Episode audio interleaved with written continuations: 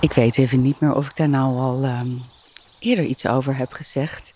Ik weet zeker dat ik verteld heb dat ik ehm, gele lis in onze poel heb eh, gezet. Of tenminste de wortelstokken van de gele lis.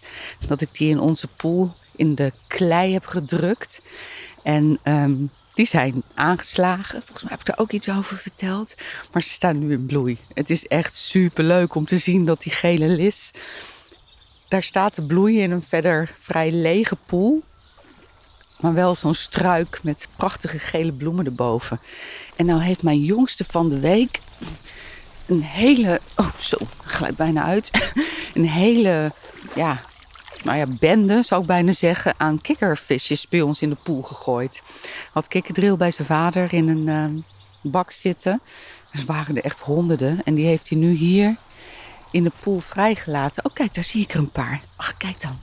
Zo leuk. Even zien. Oh nee, dat is er geen één.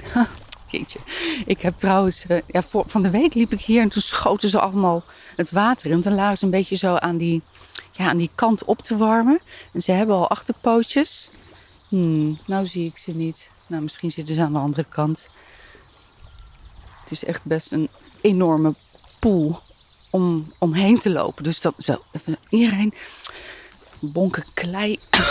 echt, even, ik word zo even naar de andere kant van de poel lopen. Oh, zo.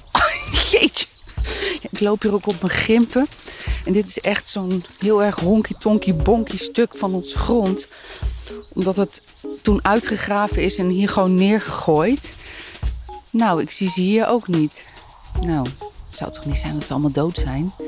Nee, dan zou, je ze ook dood moeten zien drijven. Ik denk dat ze gewoon lekker diep in de pool zitten.